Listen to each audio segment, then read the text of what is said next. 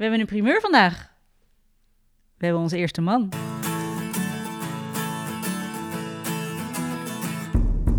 Fijn dat je luistert naar de Ayurveda podcast. Mijn naam is Sielke en tegenover mij, of eigenlijk naast mij, zit Marleen. En deze podcast is voor iedereen die met Ayurveda gezonder en gelukkiger wil gaan leven, maar wel met een korreltje Himalaya zout. Precies, we nemen je mee in onze zoektocht naar gezondheid en geluk. En dit heeft ons al heel veel opgeleverd. Een cyclus die weg was en weer helemaal terug is. Rustige slaapproblemen die opgelost zijn. Gezond gewicht, een beter humeur en veel minder last van die vervelende opgeblazen buik. Ik heb een fijne dagroutine te pakken en ik begrijp de mensen om me heen steeds beter. Ons doel met deze podcast is jou helpen begrijpen wat jij nodig hebt. Ja, want vaak kun je met simpele oplossingen fysiek en mentaal in balans komen. In deze podcast hoor je alles over Ayurveda. En vandaag hoor je alles over Koen van der Kroon. Koen van der Kroon heeft zijn leven gewijd aan het begrijpen van de Indiase gezondheidswetenschap Ayurveda. En als iemand alles van Ayurveda weet, dan is het Koen wel. En misschien ken je hem van zijn eerste boek, Urinetherapie, uh, dat in maar liefst 15 talen is verschenen. Nou, fijn dat je er bent, Koen. Je bent onze eerste man. Dat vinden we echt heel erg leuk. En tegelijkertijd denken we, hoezo zijn er zo weinig mannen? Ja, vertel dat even, Koen. Hoezo? Waarom? Ja, dat is een, dat is een hele interessante vraag. Um, um, en in India zijn het juist veel mannen die Ayurveda als beroep hebben. Um, ik denk dat het deels komt omdat Ayurveda is binnengekomen via de spirituele uh, wereld. Een beetje via yoga uh, en via huidproducten. En dat is het bereik waar vooral vrouwen op afkomen in de westerse wereld. En um, ja, het, het zou interessant zijn om wat dieper over Ayurveda te praten en te kijken naar dat het eigenlijk helemaal niet een per se een vrouwenberoep is nee, of een gebied. Precies. Maar dat er een heel stuk engineering in zit. Uh, die het ook voor mannen interessant zou moeten maken om hierop in te duiken. Wacht, een stukje engineering. Ik denk dan eh, meteen aan dingen die niet met Ayurveda te maken hebben. Hoe bedoel je dat? Ja, nou, we hebben natuurlijk uh, een lichaam. En een lichaam is een stuk mechaniek. En Ayurveda dealt daarmee op een hele goede en engineering-achtige wijze. En dat gaat bijvoorbeeld al simpelweg over de juiste olie op de juiste plaats om te zorgen dat de machine gesmeerd wordt. Precies, een ene auto heeft benzine nodig, de ander heeft diesel nodig. Misschien moeten we het inderdaad zo aan de man verkopen. Het is net als een auto Ayurveda. Absoluut. Als je maar de goede olie gebruikt. Ja, het, het, het, is uh, the art of uh, engineering. Uh, uh, het lichaam, zeg maar. Ja. ja. ik denk wel wat je zegt, hè, het, het, komt binnen, misschien in de westerse wereld via yoga, via de, hè, de, de, de, huidproducten. Maar ja. als je nu kijkt naar yoga, er zijn natuurlijk veel meer mannen die dat beoefenen dan tien jaar geleden. Dus er is hoop, denk ik dan. Er is zeker hoop. En ik denk dat uh, een, een, een, uitzending als deze ook uh, ertoe kan leiden dat mannen gewoon anders naar Ayurveda gaan kijken. En dat er ook daadwerkelijk een uh, interesse wakker wordt. Want ja.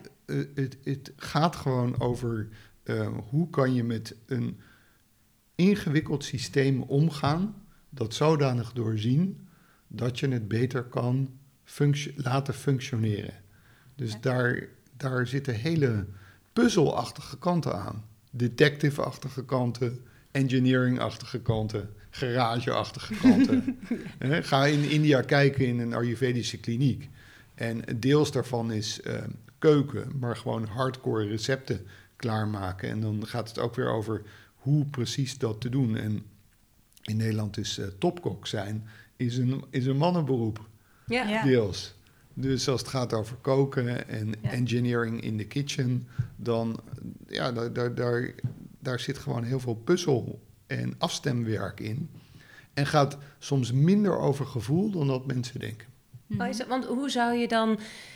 Oké, okay, waarom denk je dat mannen hier niet zo mee bezig zijn dan? Ligt het, het ligt bij de man, toch? Ik denk het wel. Ik denk dat er nog steeds een concept is, wat in het begin ook bij yoga was, dat het gaat over gevoel. Dat het gaat over een vaag begrip als intuïtie. Um, en natuurlijk spelen die een rol bij Ayurveda. En zelfs uh, is het zo dat Ayurveda een hele um, duidelijke plaats geeft aan ziel, bewustzijn ja. en dergelijke. Um, maar het is maar een deel van het plaatje. Feit blijft van dat we een lichaam hebben. En dat lichaam heeft botten, spierweefsel, uh, een spijsverteringssysteem. Daar gaat uh, een zekere mate van input in en je verwacht een zekere mate van output. En die wil je zo efficiënt mogelijk maken. Nou, dat is eigenlijk het idee van engineering. En uh, als je daar naar gaat kijken binnen Ayurveda, zijn ze daar super precies over. Heel gerichte aanwijzingen, heel logisch.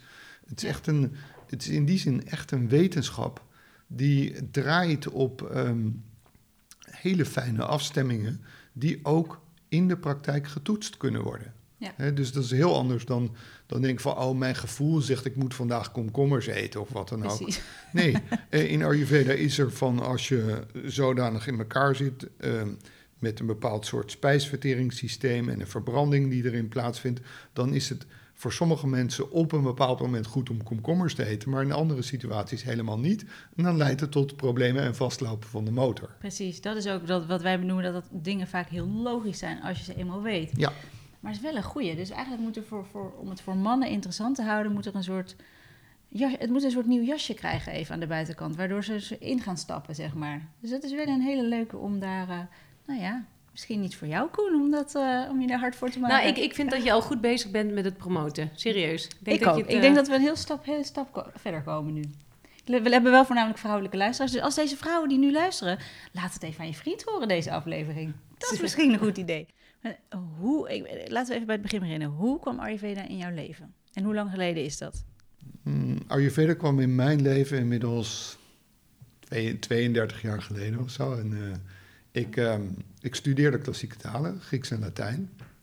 En was daarin geïnteresseerd geraakt in de geneeskunde van Hippocrates. Nou, Hippocrates kennen we natuurlijk allemaal. Dat is een grote naam binnen westerse geneeskunde. De artsen leggen de eed van Hippocrates af, nog steeds geloof ik. Um, en Hippocrates zei destijds al, je bent wat je eet. Echt waar? Ja, ja dat wel. Oké, ja. Niet, niet wat je verteert, maar wat je eet. Wat je eet. Ja, ja. Er zat de vertering natuurlijk wel bij in, want als je echt uh, Hippocrates gaat lezen, en met Hippocrates een, andere, uh, een aantal andere Griekse artsen, of filosoofartsen, waarvan Plato er ook in is, dan vind je allemaal dingen terug die bijna één op één overeenkomen met de Ayurveda. Oké. Dus als de artsen van vandaag de eet afleggen op Hippocrates, kunnen ze beter vervolgens naar Ayurveda gaan kijken dan naar westerse geneeskunde. Maar, maar jij, jij zat daar toen in, in, uh, in die studie, maar dus wist je al meteen dat het over Ayurveda ging? Of hoe kwam dat dan op je pad? Nee, dat kwam later op mijn pad. En dat had ermee te maken met het onderwerp waar ik mijn scriptie over uh, schreef. En dat was over vrouwengeneeskunde in de Griekse oudheid. Oké. Hm? Dus en eh, Hippocrates had in uh, een boek over vrouwenziekte uh, geschreven dat vrouwen anders behandeld moeten worden dan mannen en dat vrouwenziekte anders behandeld moeten worden dan mannenziekte. Nou, mijn professor was een feministe. En zij vond dat dat waarschijnlijk, haar opinie was dat dat waarschijnlijk een van de eerste vrouwonvriendelijke opmerkingen was die in de literatuur. Ja, want wat is een vrouwenziekte dan? Dat ging over uh, het vrouwenlichaam, over uh, menstruatieaandoeningen en dergelijke. Het is vrij precies beschreven allemaal door Hippocrates. Dat weten mensen misschien ook niet, maar er zijn tientallen uh, dikke boeken geschreven in die tijd over -huh. behandelen van ziekte. Maar toen was dus jouw, jouw uh, docenten die zei van... Uh, oké, kom, er, kom erop dan met je scriptie. Wat was het? Uh, ja, ja, ja, zij vond dat ik dat moest onderzoeken. ook met daarbij een aantal cultureel en medisch-antropologische modellen... over van wat in een maatschappij um, aan positieve of negatieve dingen op een lichaam geprojecteerd wordt. En vervolgens zich omzet in gedachten in wetenschap mhm. of in taalgebruik en dergelijke. Nou, als je dan verder kijkt bij Hippocrates, dan zie je dat hij uh, onderbouwt waarom vrouwen en vrouwenziekten anders behandeld zouden moeten worden, omdat vrouwen kouder en vochtiger zijn. Ik had inmiddels al iets uh, geleerd in die tijd over uh, Chinese geneeskunde. En yin en yang. En yang staat voor heter en droger en yin voor kouder en vochtiger. En daar wordt yin gekoppeld aan vrouwen en yang aan mannen. Ja. Qua fysiologie en hoe de spijsvertering werkt, et cetera. Dus mijn uh, professor zei dat, maar ik dacht op hetzelfde moment van, nou, ik weet niet of dat vrouwenvriendelijk is. Misschien is het gewoon een principe binnen de natuurgeneeskunde dat dingen zo werken. Dus laat ik dat verder gaan onderzoeken. Hm. En dat ben ik gaan doen. En tijdens dat onderzoek uh, vond ik toen een boek over Ayurveda. Had ik nooit van gehoord. Uh, maar ik dacht, oh, komt ook uit Azië, uit het Verre Oosten. En ik ging dat boek lezen. En op de een of andere manier had ik een soort connectie met wat daarin beschreven werd. Ik, uh, ik had zo'n van binnen een reactie van: God, ik, het lijkt wel of ik dit ken, deze materie. En, ja. um, Heel herkenbaar is dat. Ja, dat, ja. dat klopt. Want als je het dan eenmaal leest of als je er eenmaal mee bezig gaat, dat je gewoon bijna niet meer voor kunt stellen dat je dan dat iets anders beter voor je zou zijn. Dat is, het is ja, het is net alsof je het al een keer gelezen hebt en, en je het weer leest of zo. Ja, dat gevoel. ja, en dat is eigenlijk ook een heel leuk gegeven, want in die oude boeken waar ik het net over had, wordt over de wetenschap van Ayurveda gezegd dat die eh, in feite niet ontwikkeld is, maar dat die er altijd is geweest en dat het aan ons is om het te herontdekken. Zo, zo schrijven ze het echt. En daar heb ik veel over nagedacht en ook veel met studenten over gehad. En uh, ben een beetje tot de conclusie gekomen dat dat eigenlijk ook heel logisch is. Want we, zijn, we hebben het dan over dingen die in ons lichaam gebeuren. Mhm. En hoe daar wetenschappelijk over gepraat wordt. Maar in feite zitten we in dat proces. Mhm. Zitten we daar middenin. 24 uur per dag. Het gebeurt in ons. We hoeven daar gelukkig niet uh, alle tijd over na te denken. Nee. Wordt allemaal voor ons geregeld. Er worden dingen omgezet. We eten een komkommer waar ik het net over had, of een courgette, of een banaan, of een tomaat. En op de een of andere manier weet onze lichaam dat zodanig te verwerken dat de cellen van die vruchten of groenten een hoog gespecialiseerd onderdeel van onze ogen wordt, van onze hersenen, van onze spieren. En wij vinden dat soort of normaal dat dat allemaal gebeurt. Ja, ja. totdat... Totdat iets niet meer werkt. Totdat het misgaat. Precies. Ja. ja. ja. En, en dat, ja, nee, stel je vraag. wat, dus jij las dat boek en je, was, je had het ervoor, kijk, heb je een connectie mee? En ging je toen gelijk toepassen? En wat ging je doen? Um, ik had al wat dingen toegepast met uh, macrobiotisch dieet. Eh, heel veel mensen vinden het nu al moeilijk om toe te passen. Mhm. En nu is er super veel literatuur al, al, al eigenlijk over Ayurveda, omdat we echt 30 jaar verder zijn. Maar toen was er dus, ik denk, niet zoveel. Nee, was bijna niets. Bijna niks. Nee, nee. Dus, hoe dus, deed uh, jij dat dan? Ik ben wat dingen gaan toe, toepassen die ik in dat boekje las. Ehm, die met eten te maken hadden. En ik deel wel dingen met macrobiotisch uh, dieet. Dus ik kon de uh, denkwijze volgen. En ik mhm. wist inmiddels ook waar ik gewoon beter eten voor mezelf kon kopen. Ja. Dus ik ben al vrij vroeg begonnen met meer biologische dingen te eten. Vegetarisch te eten, maar daar ben ik nooit strikt in geweest. En ook voor alle luisteraars, Ayurveda is geen vegetarische nee, het denkt, leef. Nee, uh, denkt iedereen uh, wel. Ja, dat denken mensen wel. En, um, dus dat is ook goed om naar te kijken van wat is het precies. Um, en ja, ik ben langzamerhand gewoon dingen gaan integreren in mijn eigen leven. Maar vooral ook daarbij in het oog houdend altijd dat ik in het Westen leefde. Ja. En een westerse, geurbaniseerd uh, context had. Precies. En weet je nog wat je ging toepassen? Ja, ik ben uh, meer, zeg maar, gaan kijken naar hoeveel kruiden doe ik in het eten. Uh, hoeveel eet ik precies. Um, minder zware dingen gaan eten die het systeem kunnen uh, verstoppen. Dat, uh, als we dan weer teruggaan naar engineering, als jij de hele tijd uh, een te zware motorolie in je auto gooit, dan loopt de motor gewoon vast en dan raken allerlei kanalen verstopt en dan moet je hem grondig laten schoonmaken voordat hij weer werkt. Ja, nou, dat, dat, dat soort dingen iets geldt voor het lichaam ook. En ik weet dat ik had zelf een, uh, een verleden met vrij veel aandoeningen toen ik jonger was. voortdurend verkouden, altijd verstopte neus. Hm. Um, longen die niet goed werkten, chronisch vermoeidheidssyndroom. En ik begon, naarmate ik andere dingen begon te doen in mijn leefstijl en in mijn eten, begon ik een stuk beter te functioneren. Ja, dat is toch prachtig dat je dan inderdaad... Maar dan kan me voorstellen dat je toch ook het van de daken wil schreeuwen, toch? Van, hey, jongens, luister, dit is super effectief en ook nog heel makkelijk toe te passen. Ja, inderdaad. En uh, dat is eigenlijk ook altijd de impuls voor mij geweest om er dingen over te schrijven en uiteindelijk een opleiding over Ja. neer te zetten. En tegelijkertijd heb ik nu wel geleerd dat van de daken schreeuwen geen zin heeft.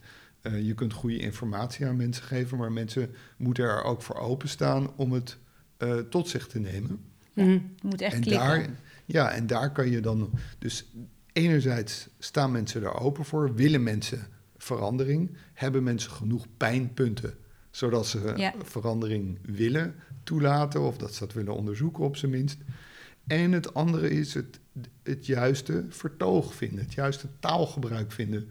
Eh, het zijn allemaal moeilijke woorden, maar semantiek. Er vroeg laatst iemand over wat is de semantiek van Ayurveda. En dat komt er eigenlijk op neer van, kun je het in die woorden vormgeven dat het voor een westers mens ook naar binnen komt Mhm. qua begrip. Ja. En jullie weten eh, alle twee van dat in Ayurveda ken je Vata, Pitta en Kapha. Ja, het zijn gewoon exotische woorden voor de, voor de Westelingen. Dus waar Nou, Ayurveda wordt al heel vaak al verkeerd. Ayur Ja. wat? over? Ayahuasca. Ayahuasca, wat? Wat Ja. bedoel je? Ja. ja. Ja. Ja, mensen voor het eerst horen zeker. Ehm, ja, je hoort ook steeds meer mensen nu over terug naar de natuur en meer back to basic gaan. Mhm. En ehm ja, je schreef het zelf heel mooi: meer leven in harmonie met het ritme en de kosmische wetten van de natuur houdt ook ons denken meer in evenwicht en kan ook op die wijze bijdragen aan een betere gezondheid. Met name Vata dosha, de, do- de dosha die beweging van lichaam en geest aanstuurt in ons organisme, kan beter functioneren naarmate we onszelf beter afstemmen op natuurlijke ritmes en op de bewegingen van de natuur en het universum, oftewel de kosmos. Ja, Wat is volgens jou één worden met de natuur? Leven met de natuur? het is eigenlijk heel simpel. En het allereerst is dat we inzien dat wij een microstukje natuur zijn. We, we zijn gewoon een, een kleine micro-omgeving waarin allerlei dingen met eh, de vijf elementen zich afspelen. Zoals het ook buiten in de natuur gebeurt. En dat, hebben, dat gevoel zijn we vaak een beetje verloren. We worden 's ochtends wakker en we denken van dat werkt allemaal wel, maar we denken er nooit over na dat we eigenlijk een stukje, klein stukje natuur zijn. Waarin het, eh, waarin bij wijze van spreken 's ochtends de zon opgaat, eh, er, er wordt geregend in ons lichaam, er wordt gemetseld in ons lichaam, er groeien dingen in ons lichaam, Er wordt geoogst, ja. er wordt geoogst. En er komen dingen in en er gaan dingen uit. Ja. Alleen wij zijn zo gewend alles naar onze hand te zetten. Ja, ja, ja. We denken dat, eh, dat eh, we een soort ehm, ja, eh, maakbare omgeving zijn die, ehm, die niets te maken heeft met wat in de natuur de natuurlijke wetten zijn. En daar zitten we fout. Ja. Dus, eh, Hoe, want hoe doe, je, eh, hoe doe jij dat? Hoe, hoe ben jij dan, eh, nou ja, hoe ben jij met de natuur? Hoe, hoe uitzicht dat bijvoorbeeld in een, in een dag? Eh, In een dag eh, uit het zicht dat ik eh, probeer, zeg maar, 's ochtends bijtijds op te staan. En daarin ook gewoon open te staan voor het feit van dat als je naar buiten kijkt, dat je ziet dat alles in beweging komt. Er- Er is een fase in de ochtend waarin eh, alles begint te chirpen en eh, eh, de zon komt op. Dan zie je ook daadwerkelijk dat luchtlagen gaan bewegen. En dat na dat bewegen er altijd in de ochtend even een moment van stilstand komt. En dan zie je alles nat en vochtig worden. Zeker in de periodes waar we nu in zijn, de herfst. Dan ontstaat er mist. Ja. En dat is eigenlijk wat er in ons lichaam ook gebeurt. Eerst eh, komen er allerlei bewegingsprocessen in gang. Heeft het lichaam ook nodig. Want het lichaam wil ochtends een aantal dingen kwijt. Urine, ontlasting, eh, slijm. Eh, en die, die we, daar is beweging voor nodig om het eruit te krijgen. Daarna ontstaat er vocht in het lichaam. Want het lichaam heeft als omgeving vocht nodig om door de dag heen voldoende juice te hebben. En vocht samen met eh, het element aarde kan ook dienen als brandstof. Dus het is logisch dat het lichaam zijn eigen mist creëert in de ochtend. En daaruit zijn brandstof gaat halen. Hoe creëert het lichaam mist? Kan je daar een, een voorbeeld van geven?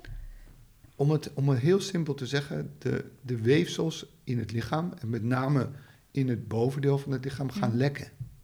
En die gaan regenen op de rest van de weefsels. Gaat vanzelf, hè? Het is Ja, niet dat we door dat glas gekookte water in de ochtend dat dat gebeurt. Het is, dit het, gaat vanzelf. Ja, ja, ja. En, eh, en ehm, het lichaam heeft dat ook nodig, want die moet langzaam in de nacht ligt dat lichaam. En het is niet alleen water, maar water met aarde kan ook een soort olieachtige of slijmachtige massa maken. Overdag moeten wij weer gaan bewegen en gaan lopen en brandstof hebben. En dan is dat nodig om alles soepel te maken, Mhm. om voldoende stevigheid en smering eh, te organiseren en brandstof te maken, waardoor we energie hebben. Ja.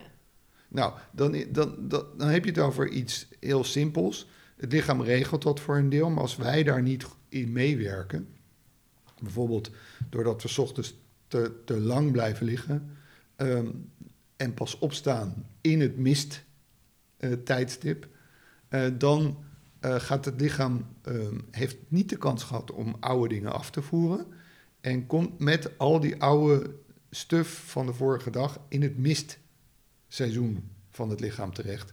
Dus die En- zwaarte krijg je Ja, dan. en, en dan zie je ook dat mensen vaak door te laat opstaan zich eigenlijk zwaarder voelen dan wanneer Ja. ze vroeg waren opgestaan. ja. Mensen kennen dat vaak van in het weekend lekker uitslapen. ja, en dan de hele dag En met zo'n dag- hoofd ja, eh, lopen. ja. Is, Ja. is dat ook meteen het eerste wat je eh, mee zou willen geven? Van als je dan nu luistert en je bent voor het eerst. Get up. Ja, dat je, dat je dat eigenlijk als advies zou willen geven van ga nou gewoon, probeer gewoon eens vroeg op te staan. Ja, probeer vroeg op te staan Ik en probeer tijd te maken. Ja, Ja, je moet het gewoon doen. gewoon doen. Gewoon doen. En, En, wat is tijd te maken voor, eh, voordat je, eh, voor dat bewegingsding. Van eh, neem tijd voor naar de wc te gaan, eh, te plassen, te poepen. Het zijn Ja. hele simpele dingen. Eh, en een heleboel mensen hebben dat al lang afgeleerd. Die doen dat niet meer 's ochtends. Plassen wel, maar poepen Maar niet. dat kost allemaal tijd. Het ehm, kost kost tijd. tijd. Heb jij en- misschien en- nog een het- tip voor luisteraars? We hebben ze de tip al wel gegeven dat ze natuurlijk het glas gekookt water drinken nadat ze hun tong hebben geschraapt. Dat helpt ook om naar het toilet te kunnen, want niet iedereen kan 's ochtends naar het toilet. Om ehm, op een krukje onder de wc te zetten, waardoor je benen hoog zet, hebben we al een keer hebben we eens, als verteld. Heb jij nog een tip voor mensen? Nou, dat, dat is eigenlijk al vrij volledig. En ik zou eraan willen toevoegen: eh, neem er even de tijd voor om je op zijn minst in te beelden. Blijf even op de wc zitten Ja, en beeld je gewoon in dat eh, de ontlasting makkelijk en door je lichaam gestuurd eruit komt. gewoon Gebeurt die connectie maken met je darmen. Wauw. Nou, ik Ja. merk zelf ook wel, als het, als het mij niet lukt in de ochtend, wat eigenlijk nooit gebeurt, maar als het een keertje niet lukt, dan ga ik wandelen. En dan ga ik dus pas, eh, en dan ga ik wandelen en dan komt het vanzelf op Ja, gang. en pas daarna ga ik dan ontbijten. Dus dan Ja. zorg ik eerst dat ik ben ontlast. En dan, dus dat een wandeling kan ook nog wel eens helpen. Maar goed, als je op de dagen, ik heb wel eens op dagen dat er gewoon veel aan mijn hoofd is, dat ik zo in die vata-onbalans zit, dat dan lukt het niet. Om de- en dat is denk ik ook omdat het letterlijk geblokkeerd wordt, omdat je het, je het zo in je hoofd. Dus dan is het mooi om er echt bij stil te staan. Want ik denk dat veel mensen dit herkennen. Dus Ja. toch veel mensen die hebben 's ochtends haast. Die, oh, de wekker gaat, nog even snoezen. Nou, dat heb ik inmiddels gelukkig niet meer. Jij ook niet. Maar toch zijn er denk ik nog veel mensen die dat hebben. En dan is het een goede tip om die bewustwording te hebben. Ja. Vind ik een mooie. Ehm, En, en qua- eh, het is qua- ook wel leuk, eh, nog één dingetje Ja, erover. In India, ehm, waar mensen nog wat meer met deze principes leven, in ieder geval tot voor kort, daar lieten mensen vaak hun kinderen niet naar school gaan als ze niet Ja. eerst naar de wc dat waren je? geweest. Ik, moet- ik moet waar? zeggen dat ik er ook Ja. altijd op hamer 's ochtends hoor. Niet dat Ja. het moet, maar ik, ik vind dat wel fijn als ze Oh. de deur uitgaan. Ja, eh. omdat ze ook inmiddels door, ja. Ja. door gewoon gezonde boerenwijsheid, zou ik maar zeggen, eh, hadden ingezien dat als eh, mensen daar te lang mee rondlopen en ze eh, houden dat in zich, dat het consequenties kan hebben voor de gezondheid. ja. En niet alleen voor de gezondheid, maar ook voor concentratie. Als je eh, niet goed naar de wc bent geweest, kan je niet goed denken. Simpelweg. Dan blijft er een soort. Ah, het is wel mooi wat je zegt, want ook met het gewoon blijven zitten, even op het toilet. Je moet, je moet gewoon die routines moet je natuurlijk gewoon ontwikkelen. En, en dat kun je eh, beter bij een kindje zo vroeg mogelijk mee beginnen natuurlijk. Ja. Dus dat eh, dit vind ik ook een goede tip. Gewoon je kindje op de wc zetten s ochtends. Ja. Ja. En qua voeding, hoe, ehm, hoe- wat, wat pas jij daarin toe? Ehm, Want je ik- routine is begint met de ochtend, lekker Ja. vroeg opstaan, een beetje be- bewegen. Eh, sport je trouwens ook? Wou ik nog ook- even weten. Is dat een...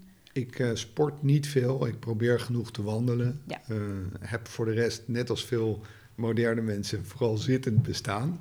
En probeer daar zo goed mogelijk mee om te gaan.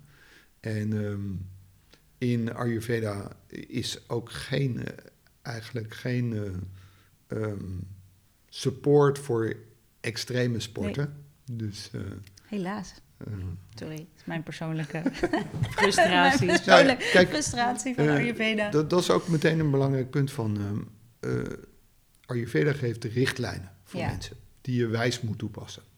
Ja. Maar iedereen is anders en ieders ehm, ding om in het leven te doen, ik wou het woord karma gebruiken, maar dat is zo beladen dat dat wil ik niet doen. Ehm, ieders ding in het leven is anders. Mm. En daarin moet je gewoon wijze keuzes maken. En daar kan ook bij horen dat jouw ding is extreme sporten. Dan op zijn minst, doordat Ayurveda een wetenschap is, kun je voor jezelf uitrekenen: als ik dat wel doe, dan kan ik dat en dat als resultaat verwachten. En in die tussentijd kan ik wel denken aan remedies die dat resultaat weer ten positieve zullen beïnvloeden. Ja. Dus dat is ook eh, zeg maar de kunst van het ehm, een Ayurvedisch consult geven. Als je met mensen zit, is kijken wat is hun context. Precies. Ja. En daar het advies op afstemmen. In plaats van met een set vaste regels te Werkt komen niet. vanuit Ayurveda van dit mag wel, dat mag niet, dat moet je eten, et cetera. Dat, Werkt dat werkt helemaal Nee, niet. Het gaat echt om die balans. Ja. Hoe doe je dat met voeding? Met voeding zorg ik ervoor dat ik eh, één, veel biologisch eet. Twee, dat ik vooral warm eet. Hmm. Drie, dat ik het elke maaltijd combineer met een juiste hoeveelheid vloeistoffen. Niet te veel, niet te weinig. En dat die vloeistoffen ook passen bij de voeding. Kan je daar even een tip voor geven? Voor onze luisteraars? Heel simpelweg, ehm, veel en koud drinken bij een maaltijd stopt je spijsvertering. Ja. Het is alsof je water op vuur gooit. Ja. Ehm, maar een beetje vloeistof is nodig om voedsel goed te mengen in de maag. Dus ehm, als je heel simpel wil kijken naar wat kan je doen, eh, neem een twee derde glas met water eh, wat warm is eh, en drink dat in kleine slokjes tijdens je maaltijd. Het is een Precies. stuk beter dan een glas koud bier, dan eh, een eh, koude cola erbij. Of Lekker ijsblokjes En erin. het scheelt echt prik. enorm met hoe je maaltijd verteerd Zeker. wordt. Nu je het toch begint over ijs. Zijn er voor jou nog dingen waarvan je weet, die zijn niet goed voor me, maar Ja. af en toe, dan doe ik het wel. Plenty. Ik zit nu een kop koffie te drinken.